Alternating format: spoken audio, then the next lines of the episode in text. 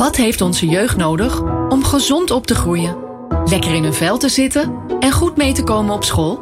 Deze vragen stellen jeugdonderzoekers van Universiteit Utrecht zich elke dag weer opnieuw. Werk jij ook met kinderen en jongeren? Twijfel je wel eens welke aanpak het beste werkt? In de podcastserie Jong Geleerd delen we kennis uit de wetenschap die jou als professional kan helpen of inspireren. Gamen wel op school, want als het regent uh, buiten, dan mogen we soms wel van de juf gamen, want dan kunnen we niet buiten spelen. Ja, ik game wel eens vaak elke dag wel een half uurtje. En soms nog iets meer. Um, soms speel ik GTA. Alleen daar zijn mijn ouders niet heel tevreden mee. Uh, ik speel soms ook Roblox en ik speel Minecraft. Ongeveer de helft van alle jongens is elke dag aan het gamen. Voor veel professionals en zeker voor veel ouders een spannend onderwerp. Wanneer is gamen nog leuk en wanneer is het een verslaving? Kan je beter bepaalde games verbieden zijn er eigenlijk ook goede aspecten aan gamen? En wat moet, doet het met de schoolprestaties? En hoe voorkom je thuis continu de strijd over de gametijd en houd je het een beetje gezellig? Nou, dat allemaal gaan we bespreken in deze podcast. Ik ben Glenn van den Burg en we hebben twee experts voor je uitgenodigd. Margot Peters, zij is onderzoeker jeugdstudies aan de Universiteit Utrecht. En Renske Spijkerman, senior onderzoeker bij Breider Verslavingszorg. Fijn dat jullie er allemaal eh, zijn. Ik heb eerlijk gezegd echt uitgekeken naar dit onderwerp. Ehm, omdat het, ja, enerzijds volgens mij gamen iets heel leuks kan zijn. Maar ook wel ingewikkeld, kan ik jullie zeggen, zelf zeggen als vader. Um, even stelling om mee te beginnen. Een beetje speels beginnen. Een beetje gamen beginnen. Ik ben wel benieuwd hoe jullie daarin staan. Uh, gamen bepaalt het gezin tegenwoordig. Wat denk je, Renske? Ben je het ermee eens of uh, niet mee eens? Um, ik ben het er niet mee eens. Oké. Nee, ik zou het breder willen trekken. Ik zou zeggen, beeldschermgebruik bepaalt het gezin tegenwoordig. Oh, oh ja, oké. Dus niet alleen gamen, maar ook. Nee, breder. En dat is volgens mij precies ook waarom in ieder geval jongens die bij ons in behandeling komen als ze ja, te ver doorgaan met gamen. Heel vaak hoor je dan van, uh, ja, iedereen is gefocust op mijn gamen. Maar kijk eens naar uh, papa, mama, mijn zus. Ja, die zitten de hele tijd een mail te checken. En, uh, en de aandelen en, de social media. En, en marktplaats en noem maar op. Ja. ja. en gemixte signalen. Het is soms ook wel heel fijn voor ouders om even die laptop of de tablet aan hun kind te geven. Want dan hebben ze wat me-time. En, Aha. Ja, het is, wij noemden dat de pacifier vroeger. Oh. bij de kinderen. Ja, dan, als, als, we even van ze af wilden. Ja, inderdaad. Het is, het, is het, het is het digitale speentje. ja. Um, um, hoe zie jij dat? Margot? Nou, ik ben het voor een groot deel wel met Renske eens. Uh, eigenlijk wel helemaal. Het is vooral beeldscherm. En um, ja, er gebeurt zoveel op je mobiele telefoon en op je tablet. En, en jongeren worden ook eigenlijk uh, op school komen ze steeds meer in aanraking je bent eigenlijk als ouder ook, ook uh, ja, je kunt er niet omheen dat ze ook leren digitaal wijs te worden, zeg maar. Dus er zit ook een taak in de opvoeding om dat wel uh, ja, ja, mee te geven. Um, maar het heeft natuurlijk ook negatieve kanten, want het haalt interactie weg binnen het gezin. Oké, okay. daar gaan we allemaal naar kijken in deze podcast. Eerst maar even kijken, wat is gamen eigenlijk? Want we hebben het erover alsof het een soort ja, bepaald ding is. Wanneer ben je nou aan het gamen? Wanneer ben je nou gewoon een beetje het social media of het surfen of weet ik wat? Ja, het hangt er een beetje vanaf welke definitie je wilt nemen. Ik bedoel, een gezelschapsspelletje met z'n allen spelen is ook gamen. Dus uh, in, dat, in die optiek uh, is gamen heel breed. Ja. Uh, een potje voetbal buiten kan ook gamen zijn. Ja. maar als we denk ik nu aan jongeren vragen wat game is, dan denken ze vooral aan FIFA spelen of Grand Theft Auto. En toch echt wel de games op de console of op de Achter een scherm. Ja. ja. Of op een mobiel. Dat kan tegenwoordig oh, ja. ook allemaal. Ja, dus, ja, en daarmee heb je het overal genees gekregen. Uh, um, wat, wat is het vraagstuk eigenlijk? Waarom, waarom hebben we het hier überhaupt over? Waarom is het een probleem? Geen Renske? idee. nee. Um, nou, ik zat net ook te denken met uh, die vergelijking met gezelschapsspellen. Daar zitten allerlei ja, er zitten al soort van regels en setting, uh, hè, afspraken over wanneer je dat doet. Je hebt allerlei dingen nodig. En bij die digitale games uh, worden heel veel dingen veel bereikbaarder. En um, ja, moet je met elkaar ook weer andere afspraken maken over wanneer je dat doet en hoe je dat doet. En ik denk dat daar uh, dingen op een gegeven moment, uh, ja, uh, daar kan op een gegeven moment een soort grenzeloosheid in ontstaan. En dat gaat ten koste van allerlei andere activiteiten. Omdat die, die games, dus het, het kan zo leuk zijn, net als dat een middel zo lekker kan zijn, dat je daar de hele tijd in meegenomen wordt. Hmm. En dan ja, op een gegeven moment gaat dat ten koste van van alles. Oké, het is moeilijk om ermee te stoppen. Ja. Nou, we hebben eh, dat ook aan kinderen gevraagd.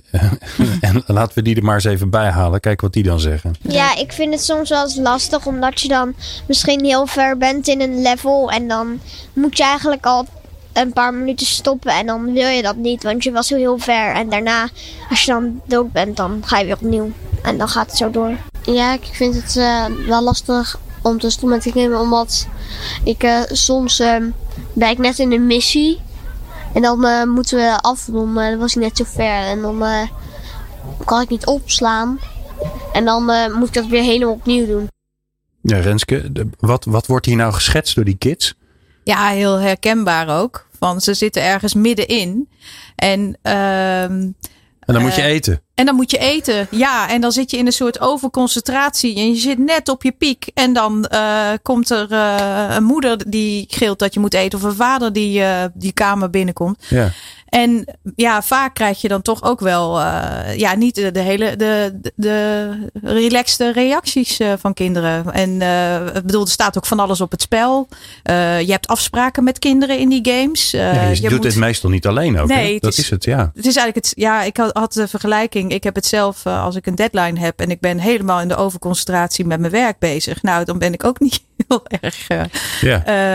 ja, reageer ik ook niet even gepast altijd. En je gaat ook niet uit een potje voetbal. Op straat ga je ook niet halverwege stoppen. Dan maak je af. Ik hoor die kinderen ook zitten, zeggen, Renske.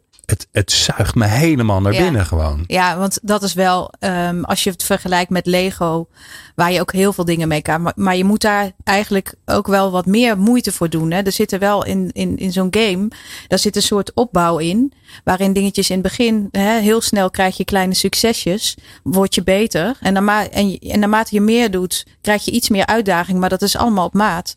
En er zitten dus allerlei um, verschillende type prikkels, beloningen die uh, maken dat het zo fijn is om dit te doen. En dat kan zijn van uh, um, ja, allerlei uh, dingen ontdekken. Um, dingen kunnen zijn en doen die je anders in in het echte wereld niet kunt doen. Maar ook inderdaad juist van die hele ja, kleine um, ja, prikkels die heel belonend werken. En, die ook, en daar zit een beetje dat verslavende aspect in. We hebben het ook vaak over de tech, zeg maar, in social media en dingen. Nou, dat zit in games ook natuurlijk. Ja. ja. En ook van die herhalende rewards die ze dan krijgen. Op een gegeven moment, als je dan iedere dag inlogt, krijg je weer een een, een betere, ja, een beter personage. Je kan een higher level halen. Je kijkt gear of whatever uh, er in een game ook zit. Ja, dat, dat, ik heb wel eens ook van jongeren gehoord dat ze echt terugkoppelen. Eigenlijk wil ik niet vandaag inloggen, maar als ik het niet doe, dan loop ik dit en dit. Ja, dan ben je je streak kwijt of zo, exact. heet dat geloof ik. Hè? Ja. Ja. ja, en je ziet ook jongeren die dus uh, ja, wel eens de creditcard van hun ouders gebruiken om dingen te kopen. En de, ja, dan beginnen er signalen te komen dat het allemaal, ja, dan beginnen ouders te zien van, oh, dit, dit is niet de bedoeling. Dus uh, je ziet ook wel echt dat het heel verleidelijk kan zijn. En dat uh, kinderen zelf ook over grenzen gaan dan om het te krijgen. Ja, ja dus, en maar de, uit, de uitdaging is natuurlijk wanneer, um, wanneer is het niet meer oké? Okay? Wanneer, wanneer uh, is iemand verslaafd? Of wanneer is het te veel en gaat het invloed hebben op de rest uh, van, zijn, uh, van zijn leven? Of haar leven? Um, ook dat hebben we overigens aan de kinderen gevraagd hoe zij daar zelf naar kijken. Ik denk dat iemand uh, verslaafd is aan het gamen als iemand bijna de hele dag op de computer zit en dat ze dan niet zoveel tijd meer uitbrengen voor, ja, voor andere dingen. Uh, ik denk dat iemand verslaafd is aan gamen als hij heel agressief wordt als hij de laptop of iPad of telefoon uit moet zetten. En dan ook inderdaad de hele dag op zijn telefoon zit. Of iPad of computer. Wanneer, wanneer weet je of, of het te veel en te ver is, Renske? Ja, ik, ik vind dat altijd sowieso met verslavingen lastiger. Het is een soort continuum. Hè? Het is niet van de een op de andere dag, nou ben je verslaafd. Het is een geleidelijk proces. Ehm, maar er zijn een soort van criteria, uh, ja, soort van uh, algemene criteria, signalen, waaraan je kunt merken van oeh, nou, nou uh, gaat het problematisch worden. En dat zijn een aantal dingen. Er is trouwens voor gamen is daar altijd nog wel best wel discussie over. nog steeds. Dat was nog veel erger. En gamen als verslaving is eigenlijk pas een paar jaar geleden erkend door de International World Health Organization. Ja, ja, maar bijvoorbeeld wat wij gebruiken is de DSM. En daarin is het eigenlijk nog een soort van. De DSM is de diagnose. Ja. Statistical Manual Juist. voor uh, psychische problemen, zeg maar. Ja. Dus uh, dat is een soort groot boek waarin je kunt zien van wat, wat heeft iemand voor psychisch probleem. En gamen als verslaving staat daar nog opgenomen als voorlopig. Ja. En, en staat er in die DSM dan, als, als, als je dit gedrag ja. ziet, dan moet je je zorgen gaan maken? Ja, dus er staan uh, bijvoorbeeld um, als je uh, heel veel tijd kwijt bent uh, aan het bezig zijn met die games. Als je um, ondanks problemen doorgaat met gamen. En zo zijn er een, als je niet meer kunt stoppen. ruzie met je ouders, ruzie ja. met je vrienden eventueel, interesseverlies, hobby. geen interesse meer in andere hobby's. Maar daar ligt ook wel een beetje het gevaar, ben ik bang. En misschien kun je, hebben jullie dat ook wel gezien in de verslavingszorg zelf.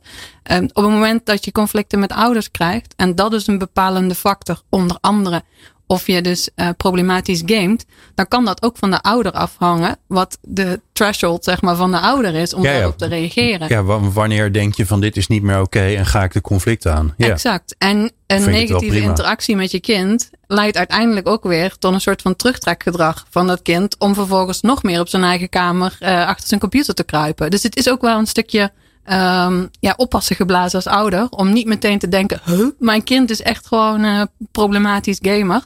En uh, wat we ook echt uit onderzoek zien, is dat het niet alleen uh, de tijd is die jongeren daaraan besteden. Maar het gaat ook echt om die andere factoren eromheen. welke het verschil maken of iemand nou echt gewoon een engaged gamer is, zoals we dat noemen, en een problematisch gamer. Er zijn heel veel jongeren die kunnen heel veel uren aan hun games spenderen, maar het gaat prima op school, ze slapen nog goed, ze hebben vrienden. vrienden. Ja, ja. Oké, okay. dus het, het klinkt als is er nog een beetje balans. Exact, ja. Ja, wat natuurlijk heel ingewikkeld is, want ja. die is voor iedereen weer net anders. Precies. Ja, en, en wat, wat ik hier altijd met, met verslaving gaat het ook vaak over controleverlies. Hè? En het idee heb je nog controle. Kun je, kun je stoppen wanneer je wilt? En dat is altijd eigenlijk best wel een discussie van de buitenwereld zegt dat je niet kan stoppen wanneer je wilt. En, en zelf heb je nog het idee dat dat wel uh, lukt. Hè? Dus dat, dat is ook best wel een lastige hierin. Ja. Maar ja, als op een gegeven moment er allerlei dingen ten koste gaan van en je krijgt het niet meer voor elkaar, dan, ja, dan is er toch wel iets uh, gaande waardoor je het niet meer helemaal in de hand hebt. Als jongeren in de problemen komen bij ons in, in, in behandeling komen, dan gaat het ten eerste ook wel over hoe kijk je thuis tegen, de, uh, tegen game en tegen beeldschermgebruik aan. En dan ga je eigenlijk met elkaar ook kijken hoe, hoe doen we dat eigenlijk? Hoe hebben we dat gedaan en hoe willen we dat anders doen? Maar daarnaast gaat het ook wel over, ja, je kunt niet zeggen tegen die jongeren, nu mag je de hele, je hele leven niet meer achter een beeldscherm zitten. Want via dat beeldscherm gebeurt heel veel. En ja, niet alleen en, dat gamen. En belangrijke ontwikkelingen ook. Want we zien nu steeds meer ook dat gamen voor jongeren een belangrijke identiteitsontwikkeling kan zijn. Uh, er zijn bijvoorbeeld ook hele events rondom gaming, e-sport events, en die worden ook steeds groter. Wij gingen misschien vroeger naar een concert van Bon Jovi, maar het is echt nu best wel. Bon Jovi, echt niet ja. Coldplay dan, maakt niet uit. Maar ja, nu gaan jongeren echt uh, naar grote stadions om daar, uh, ja, nu even niet, maar dat was in ja. het verleden wel. En dan kon je echt uh, gewoon kijken hoe je uh, je favoriete e-sporter uh, daar een spelletje Ja, dat zijn echt sterren. Hè? Als je exact, ziet ook ja. hoeveel volgers die hebben en hoeveel er gekeken ja. wordt. Hè? Want dat heb je ook nog eens een keer. Je hebt het gamen zelf, maar er wordt ook nog eens een keer heel veel gekeken naar gamen. Ja, ja. en er wordt veel geld verdiend daar in deze wereld. Maar het is ook wel gewoon, dat e-sport is wel echt gewoon een, een, een professionele um, ja, wereld. Waarin gewoon niet alleen maar nog gegamed wordt omdat het leuk is. Maar het heeft natuurlijk wel uh, voor deze jongeren, om even terug te komen op de identiteitsontwikkeling. Um, als je dat weg gaat nemen, dan neem je misschien ook wel een, een, een belangrijk deel van een ontwikkeling af. We zien bijvoorbeeld wel dat jongeren die vooral uh, sociaal op sociaal vlak wat meer moeite hebben om mee te komen. En dan bijvoorbeeld in de online wereld uh, bevestiging krijgen dat ze goed zijn, dat ze uh, ja, erbij horen. Dat stukje wat ze in de, in de daadwerkelijke eh, offline wereld missen, dat ze dat dan in games vinden. Um, voor sommigen is dat bijvoorbeeld een toegevoegde waarde, maar daar ligt wel ook een beetje het grensgebied van als je gaat gamen om te kopen met dingen in het leven die niet goed gaan, dan kan dat wel weer een, een risicofactor zijn dat je er te veel in wordt gesleurd en dat gamen echt een soort vervanging wordt. Ja, want eh, die, um, uh, laten we zeggen, we hebben de, de virtuele wereld, hè, de online wereld, waarin natuurlijk veel gegamed wordt. Daar hebben we het nu over. En we hebben de, de echte wereld, de, de, de, de fysieke levende wereld. Hoe belangrijk het is, dat, is het dat kinderen ook in die levende, die levende fysieke wereld hun tijd doorbrengen eh, dingen leren, mensen ontmoeten. Want je zou kunnen zeggen, ja, ze hebben vriendjes Volgens mij online. heel belangrijk. Ja. Nou, ik heb, ik heb daar ook, eh, ik had een discussie over. Ik heb een paar discussies gehad. Eén met een uh, gameontwerper en ook één met een jongere die dus uh, ja vanwege gameverslaving in behandeling zat. En uh, hij werd ook door zijn vrienden werd op een gegeven moment van waarom zou je nog naar school gaan? dit, dit, dit is niet het leven. Voor ons is het leven in de game, zeg maar. Ja. En toen zei ik ja, maar je zit nog wel met je fysieke lichaam op aarde. en ja, die heeft beweging nodig, die moet eten. Nou ja, dat deed hij ook allemaal niet zo heel goed. Maar ja, uh, op een of andere manier uh, ja, zijn we nog niet helemaal in een andere virtuele wereld. Alleen dat al, denk ik, van uh, zou het mooi zijn om een soort balans te hebben hier. Ja, en als het, als het ook beide doen, dat, dat zien we ook uit onderzoek terug. Op het moment dat jongeren zowel sociale contacten in die digitale wereld hebben of virtuele wereld, en ze hebben die ook in, in de offline wereld, om het zo maar te zeggen, dan kunnen die elkaar versterken. En zeker in coronatijd denk ik dat games en, en ook sociale media een uitkomst zijn geweest voor een aantal jongeren. Um, omdat ze dus geen contact konden hebben met hun vrienden. Ja. En in die gamewereld kunnen ze elkaar ontmoeten. Um, we weten bijvoorbeeld ook uh, chronisch zieke kinderen. Daar is ook onderzoek naar gedaan. Die, um, we zien wel gelukkig dat ze niet meer gamen. Maar voor hun kan games bijvoorbeeld een belangrijke factor zijn. Om uh, ja, medestander, om een soort van uh, andere jongeren te ontmoeten met dezelfde problemen. Um, en dat kan voor verschillende jongeren kan die belevingswereld echt helpen. om, om ja, de, dezelfde personen te ontmoeten. Met dezelfde uh, karaktertrekken, kenmerken. Dus een, ja.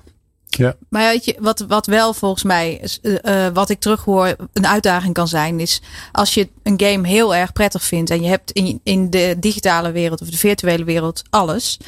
Uh, hoe zorg je dan dat de activiteiten en de dingen die je buiten die digitale wereld doet, um, uh, aantrekkelijk genoeg ja. zijn. En daarin ja, ja je krijgt een soort uh, je krijgt een soort cannibalisme van alles wat je doet, omdat dat zo leuk is en je daar zo prettig voelt.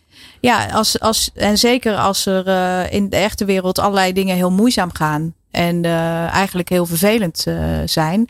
Dus ja, in die zin voor, voor ouders is dat denk ik ook de uitdaging om eigenlijk vanaf kinds af aan ook um, ja, een, een, balans aan te bieden. Dus op een of andere manier, en dat, ik denk dat heel veel ouders dat ook doen, dan komt er op een gegeven moment komt er zo'n periode dat kinderen steeds meer uh, hun eigen weg willen gaan. En uh, er komt de puberteit aan.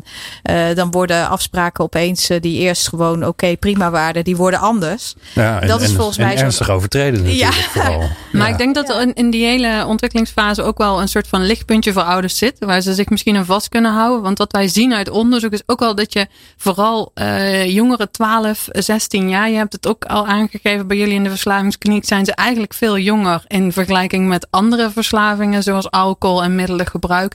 Uh, en wat we, wat we vermoeden, maar we moeten dat nog beter onderzoeken, is dat jongeren, zolang ze thuis zijn en nog, nog minder hun wereld buiten hun ouderlijk huis exploreren, is gaming wel een hele interessante optie.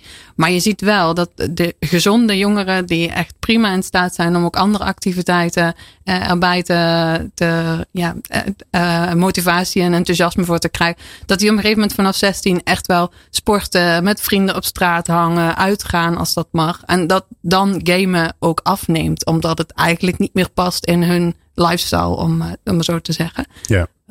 Uh, Margot, je begon al even over uh, de positieve kanten van, uh, van gamen. Want nou, we belichten het natuurlijk vanuit het, is een, het is een probleem, het is ingewikkeld in gezinnen. Ja, klopt.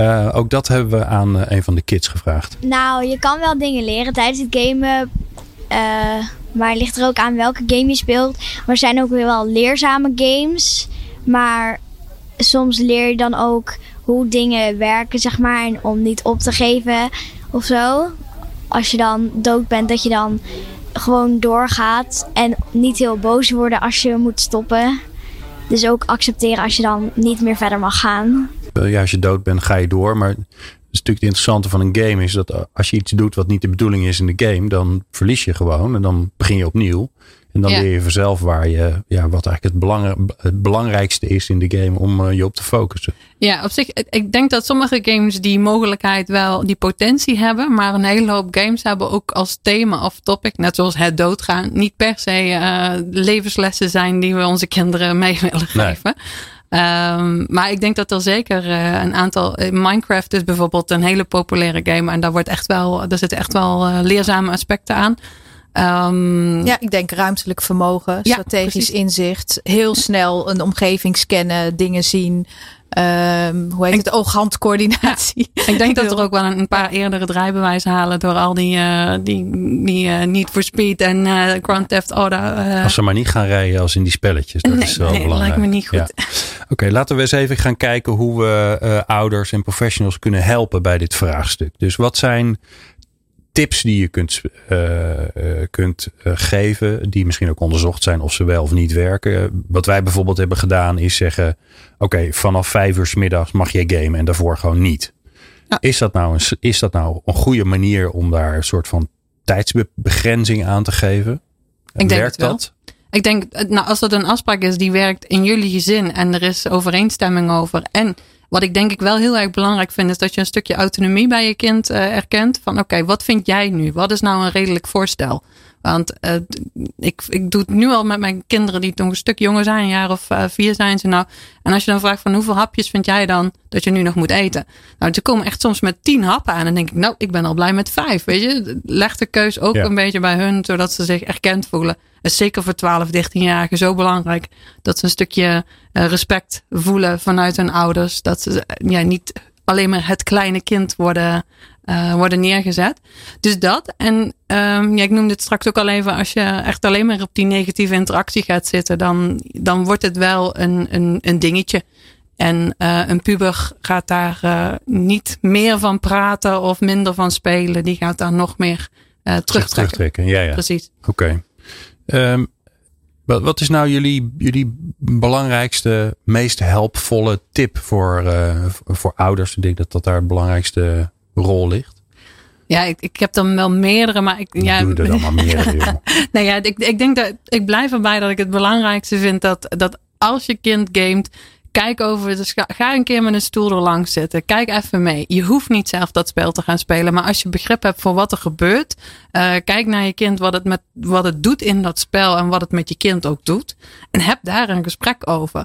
Want het is niet zo. Ik bedoel, als, als jongeren helemaal gek zijn van een potje voetbal buiten spelen. Dan staan we als ouder bijna een beetje lijn. Ja. eh, te klappen van eh, hoe geweldig dat wel niet is. En ik denk dat dat, dat stukje erkenning ook voor eh gamende jongeren eh, belangrijk is. Eh, en vanuit daar kun je dan weer goede afspraken en regels maken. Maar niet vanuit het negatieve en, en alleen maar eh, focus op wat niet mag. Nou, het eerste wat ik ook, waar ik ook aan dacht was, ehm, eh, ja, waar we het eerder over hadden, vraag jongeren zelf van wat ze nou merken. Wat, wat, wat, wat, wat, wat bieden die games? eh, Wat vinden ze er leuk aan? Ja. Maar ook merken ze er ook zelf nadelen van? En dan heb je, als ze, meestal zit er toch wel iets waarvan ze zelf merken van, nou, daar moet ik een beetje mee oppassen. En dan zou je met elkaar kunnen kijken en dingen kunnen verzinnen. En dan hebben ze soms ook hele goede tips. Een van de tips die jongeren bij ons eh, op de kliniek op een gegeven moment hadden, was van eh, ja, eh, eigenlijk zou je elke keer als je een, een potje hebt gespeeld, dan ben je nog helemaal aroused, zeg maar. Ben je nog helemaal, moet je eigenlijk een soort ritueel hebben, dat je het soort van afrondt, alsof je je, je gamepak Oh. terug in de kast eh, hangt. En dan ga je eh, Oh, het volgende activiteit doen. Dus dat soort di- dingen zijn heel mooi. En eh, meestal ontstaat dat gewoon door inderdaad eerst te kijken wat iemand aan het doen is, dingen te vragen. En op een gegeven moment met elkaar te kijken van goh, hoe kunnen we het verbeteren of anders. Renske, wanneer moeten ouders aan de bel trekken? Wanneer moeten ze hulp gaan zoeken? Wat, wat, wat zijn de, de, de signalen waarvan jij zegt van nou, als, als, je dat, als dat gebeurt, dan kom alsjeblieft. Volgens mij volgens mij weten ouders diep in hun hart al wel van, oh, dit gaat, dit gaat niet lekker. Maar uh, ja, duidelijke signalen zijn als een kind op een gegeven moment uh, niet op tijd, ja, echt regelmatig uh, te laat naar bed. Um, niet meer goed in zijn vel zit. Dus je merkt dat hij kriebelig of kribbig wordt. Um, op school gaat het niet goed. School is altijd een heel belangrijk signaal. Daar zie je vaak wel ja. van. en um, ja, ga dan ook eerst met je, met je kind in gesprek. Maar als je daarin ook merkt dat je vastloopt, uh, ja, trek aan de bel of probeer ook met anderen daarover te praten. Um, en, en neem de tijd ook om even goed uh, te kijken wat er aan de hand is. Hè? En, uh, want ja, um, het is ook niet de bedoeling om helemaal in paniek te raken gelijk. Het kan een fase zijn, maar het is wel goed om op tijd uh, met de jongeren in gesprek te gaan en om te kijken met je kind en te kijken van uh, wat is er nou eigenlijk aan de hand. Mooi. Ik, uh, ik dank jullie zeer. Ik, ik ben er weer een hoop mee opgeschoten. Uh, ik ga thuis de dingen toch weer net even anders doen. dankjewel Margot Peters van de Universiteit Utrecht en Renske Spijkerman van Breider Verslavingszorg. En jij natuurlijk. Dankjewel. dankjewel voor het luisteren. Leuk dat je luisterde. We hopen dat je er wat aan hebt gehad. Wil je meer weten over kind- en jeugdonderzoek of heb je nog tips? Ga dan naar uu.nl/slash jeugd. De podcastserie Jong Geleerd is een productie van Universiteit Utrecht Dynamics of Youth.